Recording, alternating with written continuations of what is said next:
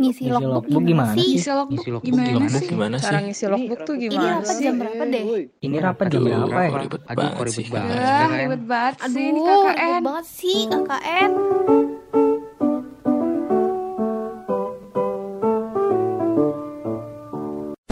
Ngapain sih ini? Ah, baca. Aku mau ini dong mbak curhat heart to heart dari hati ke hati. Asik. Waduh, waduh, waduh. Dari kami ini dari tim KKN Pesona Oke. Ibu, apakah sudah cukup baik dari segi penyusunan program, eh, luaran eh, atau apa pun itu, apakah sudah cukup baik mbak? Oke. Oh, ini. Waduh, ini pertanyaannya langsung menjurus ke tim KKN Ibun nih. Iya mbak. Iya. Oke, Eh, kalau menurut saya sendiri sejauh ini pelaksanaan dari tim KKN Ibun itu sudah sangat baik. Saya sangat mengapresiasi buat tim KKN Ibun. Wah, tepuk tangan dulu dong.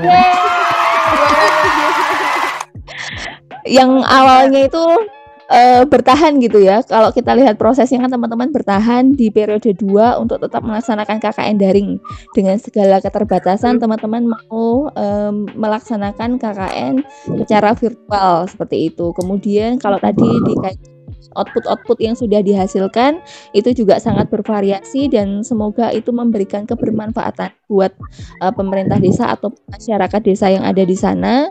Kemudian yang saya lihat juga teman-teman sudah bisa menunjukkan kerjasama tim yang solid antara satu dengan yang lainnya, baik antar anggota di subunit ataupun di unit ibun itu sendiri. Jadi saya ketika membaca tulisan teman-teman yang ada di naskah itu kan sudah saya re- sudah saya edit tuh kalau nggak salah 10 naskah wah.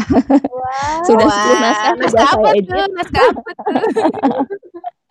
naskah yang kemarin dikumpul tanggal 15 itu saya saya melihat bahwa teman-teman sudah berupaya untuk membentuk kerjasama tim yang solid baik di subunit ataupun di unit ibun kemudian saling membantu program teman yang satu dengan yang lainnya. Jadi ada program individu yang mungkin itu juga perlu dibantu oleh anggota yang lainnya. Teman-teman yang lain juga siap membantu. Ada program yang in- eh, lintas eh, disiplin itu teman-teman juga membantu satu dengan yang lain. Jadi saya melihat pelaksanaan secara keseluruhan itu sudah sangat baik dan saya berharap kemudian nanti kalau misalnya selesai dari kegiatan KKN ini semoga teman-teman yang ada di tim unit Ibun itu tetap solid, tetap eh, silaturahmi, tetap kompak seperti itu. Ah, amin. Mbak ini kok eh, apa namanya pendapatnya Mbak Tera semua baik-baik, emang nggak ada buruknya sama sekali Mbak dari tim KKN Eh, Ibu nih, Mbak? Heran Buruknya ya. Ya Mbak. nih. Kalau buruknya itu sebenarnya mungkin ini sih kalau pas kita lagi meet bareng-bareng 30 orang banyak yang diem itu aja sih. Ini curhat ya Mbak. Ah, bingung mau ngomong apa nih Mbak soalnya. Aku salah. Siap, siap. Sampai kalau rapat unit satu nih kan waktu awal-awal dulu penyusunan LRK nih Mbak. Ini aku cerita ya Mbak. Oh, boleh boleh. ini Dikatain sama Adrian Irsat Kormas unit satu. Eh. Oh dasar Eh. kalian nih batu candi bilang gitu Mbak. Abi muhasabah di rente, muhasabah di rente. Tapi itu buat bercandaan akhirnya dan kita jadi akrab gitu. Betul, betul, betul. Ya itu a- aku juga baca sih tulisan itu di tulisannya Abian. Aduh, Aduh, Abian, ya. Abian. Oke. Tere aku mau tanya lagi. Menurut Mbak Tere nih, ah, gimana anak-anak KKN BPM Ibu?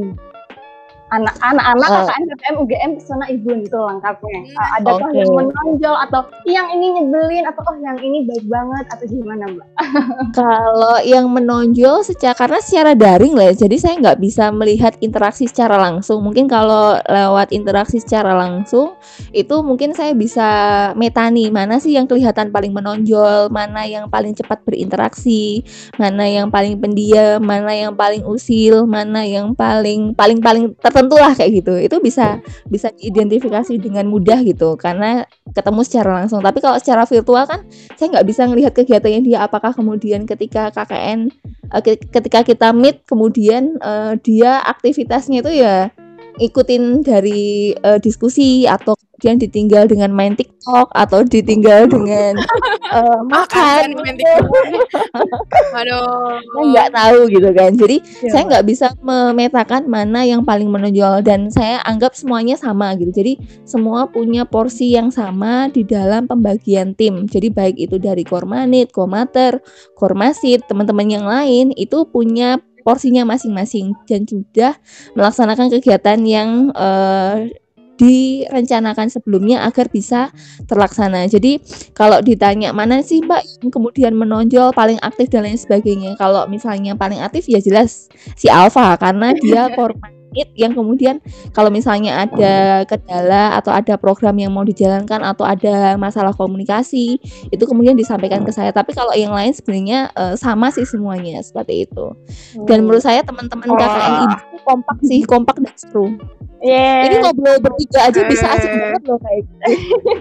Aduh. Aduh. Asik lagi kalau nilainya dapat A nih, Mbak. Waduh. Terus ini Mbak, kalau wejangan untuk kami nih Mbak dari anak-anak KKN Pesona Ibu ada nggak Mbak wejangan buat kami semua? Oh iya benar. Wejangannya karena ini kakaknya sudah mau selesai ya tinggal satu hari lagi ya eh, pastinya kalau misalnya mereview dari kegiatan KKN kemarin selama menjalankan kegiatan KKN daring pasti kan teman-teman juga merasa kayak bosan aduh mbak natap laptop lagi program lagi rapat lagi lihatnya laptop kalau nggak handphone kayak gitu.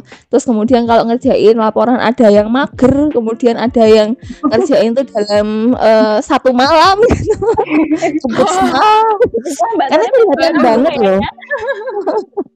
Karena kelihatan banget.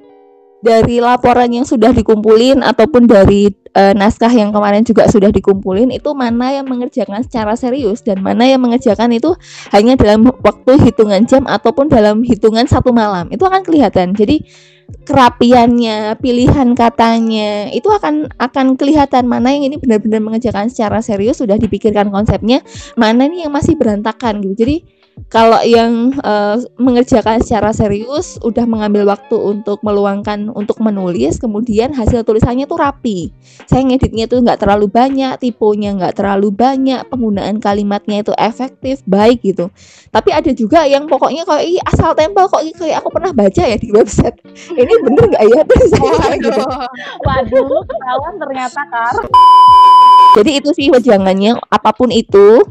Misalnya teman-teman mengerjakan kegiatan nanti ya setelah selesai KKN, kemudian menyelesaikan mungkin ada satu dua mata kuliah teori yang belum selesai di semester 7. Kemudian kalau misalnya mengerjakan ke- eh, laporan itu sebaiknya jangan dikebut semalam atau dikebut beberapa jam. Karena itu pasti akan terlihat hasilnya beda dengan yang mereka sungguh-sungguh mengerjakan beberapa hari sebelumnya seperti itu.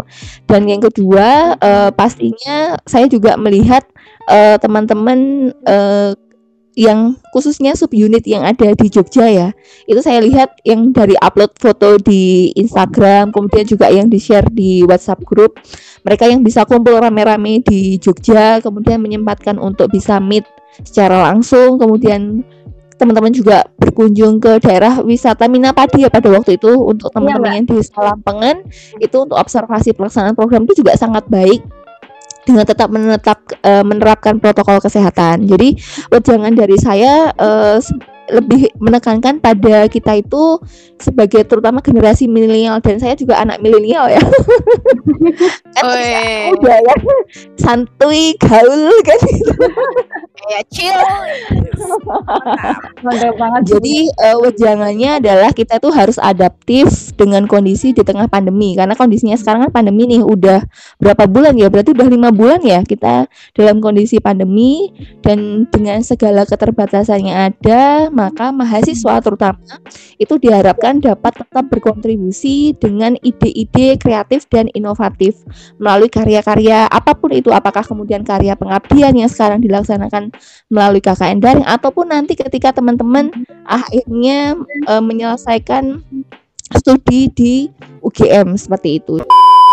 Aku tuh menampung eh, pertanyaan teman-teman nih Mbak. Jadi semalam tuh Boleh. aku aku tuh eh, ngontakin semua anak-anak eh, kakak ini bun, woi ada yang mau nanya nggak nih, ada yang kepo nggak nih sama Mbak Tere gitu. Terus ternyata pada antusias Mbak, pada pengen nanya gitu mereka mereka. Sebenarnya Alhamdulillah. pertanyaannya tuh kan pertanyaannya tuh kayak sampai 100 berapa gitu. Jadi gitu. kita, kita mulai dari pertanyaan pertama nih Mbak. Boleh? Kenapa memilih untuk menjadi DPL Pesona Ibun tuh? Ditanya lagi nih Mbak. Dan Oh, ditanya sih, lagi. Oke, eh, memilih DPL Pesona Ibun. Ya seperti yang tadi saya jelaskan di awal, alasan yang pertama karena eh, saya sudah eh, mengkonfirmasi ke pihak DPKM apakah saya boleh membimbing mahasiswa tim KKN di K2.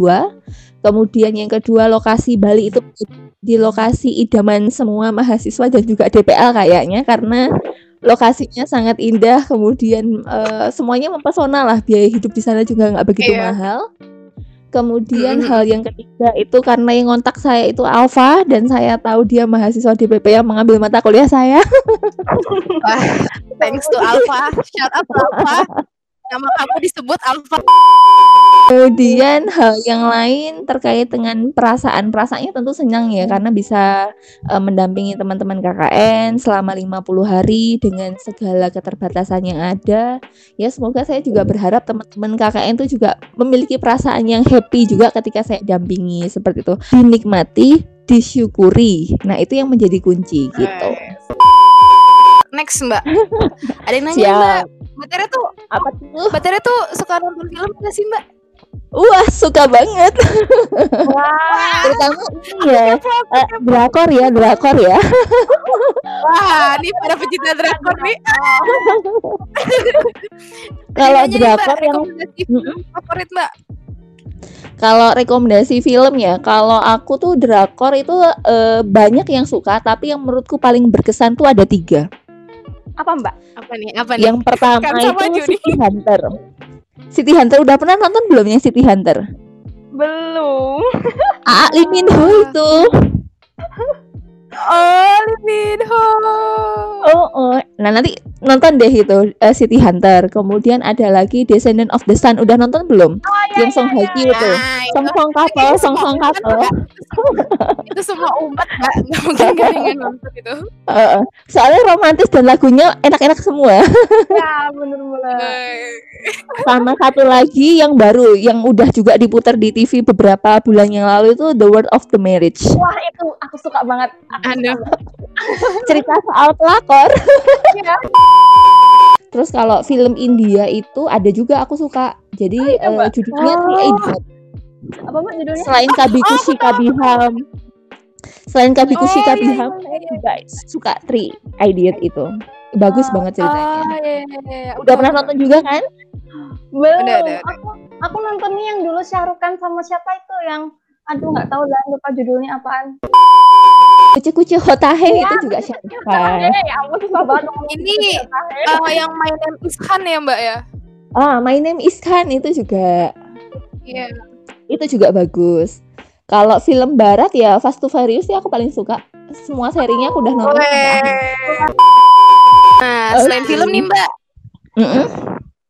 selain film, kira-kira ada ini nggak eh, top 5 playlist dan inspire book nih ala Mbak Tere? Top 5-nya untuk playlist itu ada lagunya Rain Bayang. Wes. Di sepertiga malam. Aduh, ternyata Oh iya, iya, karena lagunya pas gitu dan ini liriknya tuh enak gitu. Liriknya tuh kalem gitu. Iya benar Mbak. Mhm. Perempuan tuh paling ngerti lirik-liriknya. Kemudian ada lagunya Blackpink Waduh, yang mana? Wah, yang mana yang mana? Yang- Yang yang How You Like That betul. ya ampun. Apa lagi Mbak? Terus lagunya siapa lagi ya? Lagunya BCL, Cinta Sejati. Wah, ya, itu Hmm, mewek sih, mewek. juga suka banget. Kemudian lagunya Judika. Kalau Judika ini semua lagu aku suka. Oh, Mbak suka fansnya Judika kan Mbak? Betul. Judika aku semuanya lagunya suka. Terus kalau yang Korea yang paling aku suka selain Blackpink itu ya itu tadi soundtracknya Descendant of the Sun. Semua lagunya aku suka. Ah, ternyata Mbak Tera Biasanya kalau aku nyuci-nyuci piring atau cuci-cuci baju aku biasanya puter ya antara lagu-lagu ini gitu. mantap. Berasa ditemenin opa-opa ya, Mbak. Terus kalau inspired booknya itu buku yang menginspirasi aku itu ada tulisan bagus dan sederhana sih. Ini tuh eh, judulnya Guru Gokil Murid Unyu. Yang nulis itu J. Sumardinata. Di sini cerita soal bagaimana sih guru saat ini tuh yang harus eh, bisa beradaptasi dengan masa perkembangan eh, murid-muridnya gitu. Jadi kalau dulu mungkin guru itu kan kaku, kemudian formal. Kalau sekarang tuh kan lebih kayak temen, tapi bukan berarti kemudian kalau dengan temen merasa teman kemudian sesukanya kan enggak juga. Tetap harus ada batasan antara guru dengan murid kayak gitu. Ya. Nah, di buku ini itu bagus banget kalau teman-teman nantinya misalnya lulus dari uh, UGM kemudian mau jadi guru, nah baca deh buku ini. Ini sangat menginspirasi buat mendidik uh, anak-anak ya baik itu murid ataupun mahasiswa sih. Kalau di sini aku menerapkan juga buat teman-teman mahasiswa. Jadi saya nggak pernah meng- menggurui mereka karena menurut saya mahasiswa sekarang itu juga sangat update dengan uh, literatur-literatur terbaru, kemudian info-info terbaru. Jadi saya menganggap mereka adalah eh, partner gitu. Jadi kalau misalnya sumber inspirasi itu kan tidak satu-satunya dari dosen kepada mahasiswa, tapi bisa juga mahasiswa itu menjadi sumber inspirasinya buat dosen kayak gitu. dosen tuh nggak harus semuanya killer tapi bisa juga melalui pendekatan kayak temen kayak mbak Diri Eh, tapi ada batasan untuk menghormati gitu Betul, betul. Dosenku yang lain, tolong. Ini pertanyaannya emang agak-agak bikin ribut nih. Apa tuh? Formasi favorit, Mbak? Formasi favorit. Eh, formasi favorit siapa ya? Eh, semuanya juga sama sih. Aku nggak bisa menentukan Oh, satu. sama. Satu yang paling favorit karena eh, semuanya sudah memberikan yang terbaik. Jadi menurut saya semuanya adalah yang favorit gitu. Bukan hanya Wah. formasinya aja sih, semua anggota timnya juga favorit. oh yeah oh, Gemoy. Wow, wow, cekio. Boleh boleh ya. Produk skincare, Mbak. Ala Mbak Tere apa aja? Skincare ya.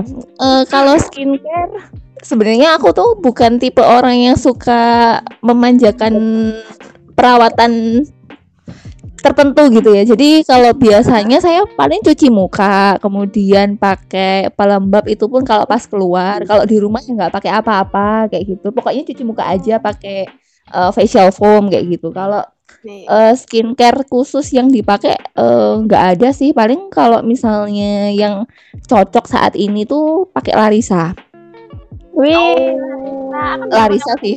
mbak Oh, oh, Larisa itu aku cocok. Kemudian kalau misalnya mau pakai masker-masker yang hanya untuk apa namanya eh facial mask-nya aja itu biasanya bisa pakai punyanya Body Shop, bisa pakai punyanya Innisfree. Ma- mana aja sih? Yang penting Korea lah. terus sekarang ini aku mau masuk diskusi diskusi diskusi. Aduh, aduh, diskusi. ini agak serius dikit nih mbak. Temanya Boleh, boleh. KKN untuk negeri merdeka gitu mbak. Waduh. temanya. Ini agak serius dikit nih mbak. Ya nggak serius-serius amat sih ini mbak. Ada sini. makna kemerdekaan buat mbak Tere itu yang seperti apa mbak? Ini kan spesial hari kemerdekaan nih 17 Agustus nih mbak. Maknanya Betul. gimana buat mbak Tere Kalau makna kemerdekaan buat saya itu sebenarnya sederhana sih. Satu, kita itu dapat berkarya sesuai dengan passion kita masing-masing karena setiap orang tuh kan punya kelebihan dan juga bakatnya masing-masing. Jadi kalau misalnya sudah bisa melakukan kar- memberikan karya yang terbaik sesuai dengan passionnya, kemudian eh, sekecil apa pun yang sudah dilakukan itu akan sangat berarti untuk orang lain. Termasuk ketika teman-teman saat ini itu juga melaksanakan kegiatan KKN yang dianggap mbak KKN daring ini akan menjadi something nggak sih? Atau akan menjadi nothing? Wah itu saya nyolek tulisannya siapa ya gitu? Waduh. saya mbak nah itu itu akan sangat terasa gitu. Jadi ketika kita bisa memaknai kemerdekaan kemudian di saat seperti ini kita bagi- bisa mengisi dengan karya-karya yang kita bisa lakukan termasuk dalam hal ini kalau misalnya kita kontekstualisasikan dengan kegiatan KKN sekarang ya apa pun produk yang kemudian dihasilkan dalam proses KKN itu menjadi bermakna buat masyarakat desa apakah itu bermanfaat secara langsung ataukah itu nantinya akan bermanfaat secara tidak langsung di kemudian hari? Mungkin sekarang nggak merasakan tapi mungkin di kemudian hari akan merasakan oh yang kemarin dibuat sama teman-teman KKN coba deh aku cari lagi aku cek lagi. Kan siapa tahu bisa seperti itu. Itu yang pertama. Jadi menekankan pada kita bisa berkarya sesuai dengan passionnya kita masing-masing, sekecil apa pun itu akan sangat berarti untuk orang lain. Kemudian makna yang kedua bagi saya itu eh, ketika kita kan sering kali menuntut bahwa negara itu harus melindungi rakyat. Saya misalnya dari Departemen Politik dan Pemerintahan kan sering kali menekankan bahwa negara itu harus hadir, negara itu harus melindungi rakyatnya. Nah, gimana nih kalau misalnya kita mengkaitkan dengan kondisi pandemi yang ada saat ini? Kalau misalnya kita kaitkan makna kemerdekaan dengan kondisi pandemi saat ini, kita bersama-sama dengan pemerintah harusnya masyarakat tuh punya kesadaran dan kepedulian bagaimana mereka mau menjaga jarak, memakai masker, melindungi satu dengan yang lain. Jadi bukan hanya untuk melindungi diri sendiri, tetapi juga melindungi yang lain sehingga uh, kita tidak selalu menyalahkan pemerintah atas peningkatan kasus pandemik. Semoga ke depannya kita juga bisa segera merdeka dari COVID-19. Jadi itu sih Amin. kalau kontekstualisasikan dengan kondisi yang ada saat ini. Mbak Tera mau tanya lagi nih. Boleh Menurut boleh. Tere, apa yang bisa dilakukan oleh mahasiswa dan juga generasi muda ini, generasi milenial sebagai insan terpelajar untuk untuk memaknai dan mengisi kemerdekaan itu, Mbak? Kalau mungkin mm, menurut saya ya, apa yang bisa dilakukan oleh mahasiswa dan generasi muda sebagai insan terpelajar dalam mengisi kemerdekaan.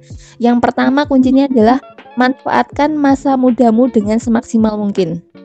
Sebelum masa tua menjemputmu. Itu yang menjadi kunci. Jadi ketika teman-teman masih dalam masa kuliah, kemudian sebagai mahasiswa, ini merupakan waktu emas untuk melakukan banyak hal. Kalian sebagai insan muda penerus bangsa harus mampu mengisi kemerdekaan dengan cara kalian masing-masing. Kalian yang saat ini sedang menempuh pendidikan harus memanfaatkan ruang untuk terus mengasah diri. Jangan suka mak mager gitu ya. Wah, aku malas gerak. Terus kemudian kalau misalnya dikasih saran, kemudian baperan, wah jangan gitu. Tapi nggak apa-apa, terus aja mengasah kemampuan diri, jangan mager, jangan baperan. Terus kemudian bisa produktif menghasilkan karya. Jadi ketika teman-teman saat ini berada eh, sebagai generasi penerus bangsa, kemudian sebagai insan terpelajar, yuk manfaatkan masa muda kalian semaksimal mungkin. Nanti karena ketika teman-teman sudah lulus sebagai mahasiswa S1 kemudian nanti akan masuk ke mahasiswa S2 atau nanti ada yang melanjutkan sampai S3 itu akan dinamikanya beda-beda. Paling enak itu menurut saya ya selama eh, pengalaman saya kemarin antara kuliah S1 atau S2 itu adalah yang paling enak itu adalah masa S1 itu paling enak misalnya sekarang saya eh, doain ya semoga semuanya lancar karena ini juga masalah COVID. September pertengahan besok itu saya kan sudah mulai kuliah S3. Harusnya saya berangkat ke Taiwan ke National Central University Taiwan, tapi karena COVID itu kan nggak bisa berangkat. Iya. Nah, saya membandingkan ketika saya dulu kuliah S1, kemudian S2, kemudian ini mau masuk ke S3, itu masanya akan berbeda-beda. Jadi masa S1 itu masa-masa paling emas menurut saya buat mahasiswa itu berkreasi, berjejaring, produktif, berkarya dengan berbagai macam ide kreatif dan juga inovasi yang dimunculkan di situ. Jadi kuncinya adalah manfaatkan masa mudamu dengan semaksimal mungkin sebelum masa tua menjemputmu. Masa tua itu kan banyak konotasinya. Bisa nanti ketika teman-teman selesai kuliah, kemudian ada yang bekerja, ada yang selesai kuliah kemudian lanjut sekolah, selesai kuliah kemudian eh, akhirnya memutuskan untuk menikah. Apakah kemudian setelah menikah, terutama untuk yang perempuan akan bekerja atau kemudian eh, sebagai ibu rumah tangga. Nah itu kan menjadi pilihan. Jadi sebisa mungkin manfaatkan masa emas teman-teman sebagai mahasiswa gitu. Mbak terakhir. Oke oke.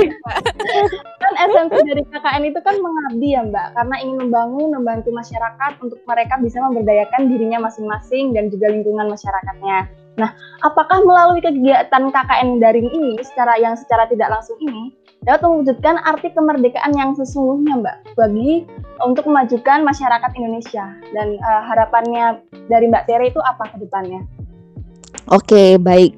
Kalau misalnya saya kaitkan dengan esensi KKN ya, bagaimana kaitannya dengan pengabdian, apakah itu kemudian membantu masyarakat, apakah itu kemudian bisa memberdayakan masyarakat dengan kegiatan KKN daring. Nah, kalau misalnya kembali lagi ke tujuan awal kita, itu kan KKN yang kita laksanakan itu kan bukan sekedar kuliah kerja nyata. Kalau kita lihat di UGM itu kan KKN PPM ya kan? Iya. Ya. Kuliah kerja nyata, PPM-nya apa kepanjangannya? Ayo sa apa sa? Ayo apa?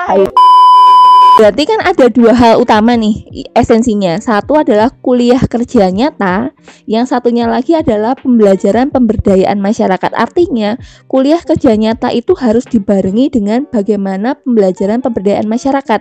Maka dari itu, kegiatan pengabdian itu diharapkan dapat memberdayakan masyarakat. Jadi bukan hanya sekedar teman-teman melakukan program, kemudian program sudah terlaksana, tetapi bagaimana memberikan pembelajaran pemberdayaan masyarakat juga masyarakat diajari untuk misalnya menggunakan masker yang benar misalnya dalam hal covid gitu ya menggunakan masker yang benar. Kemudian bagaimana kalau melihat wah e, beli masker mahal kemudian kan di diperbolehkan menggunakan masker kain bagaimana memanfaatkan kain yang kemudian itu bisa diproduksi sebagai masker kain yang itu bisa digunakan oleh masyarakat setempat atau membuat hand sanitizer dengan eh, cara sederhana tapi itu juga tetap eh, sesuai dengan protokol kesehatan. Nah, itu kan kemudian edukasi-edukasi yang harus diberikan kepada masyarakat. Jadi, ada kerja nyata yang dilakukan selama teman-teman kemarin menempuh perkuliahan.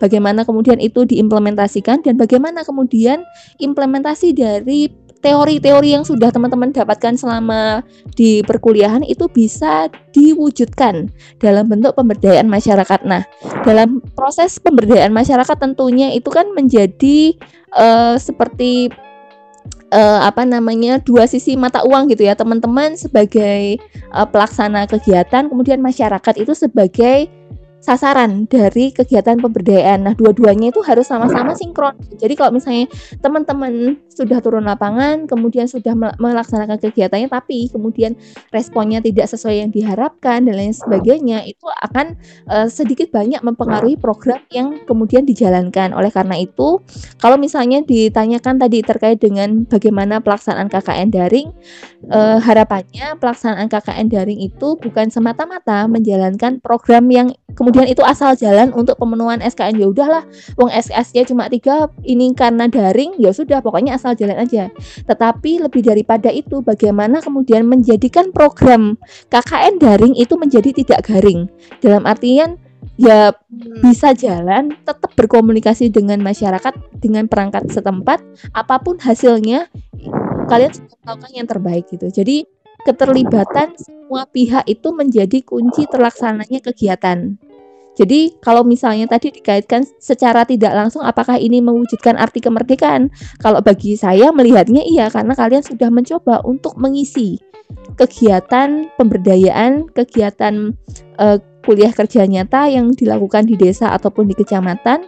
Kemudian bagaimana eh, dinamika yang kemudian itu ikut berproses dan bagaimana melihat keterlibatan semua pihak itu juga menjadi salah satu kunci terlaksananya program kegiatan KKN seperti itu.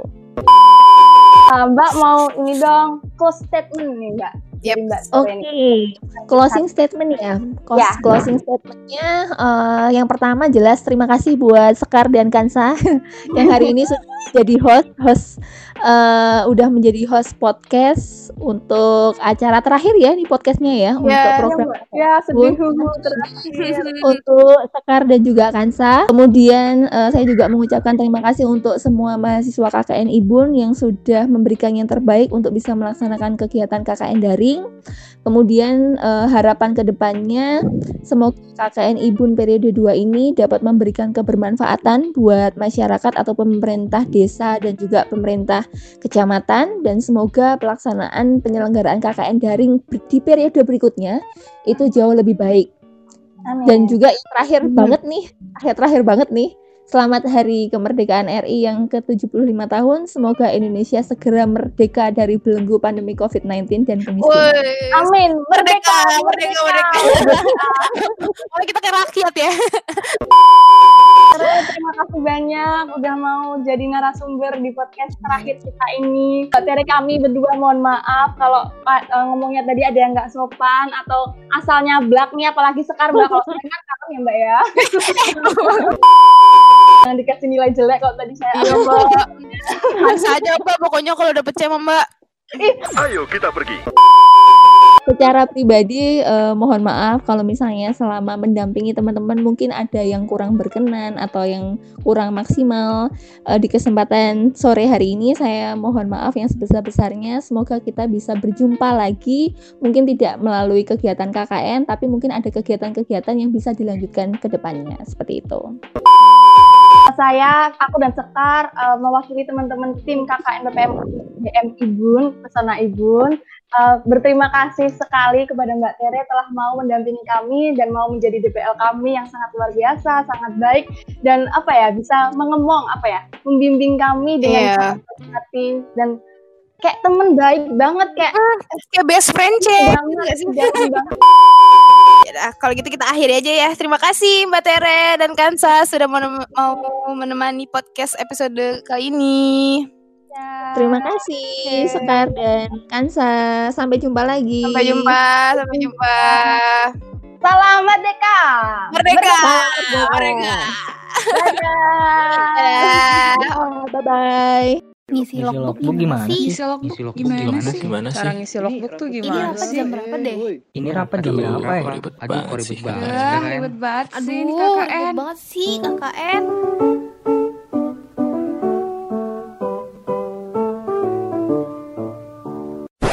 Ngapain sih ini? Ah, baca.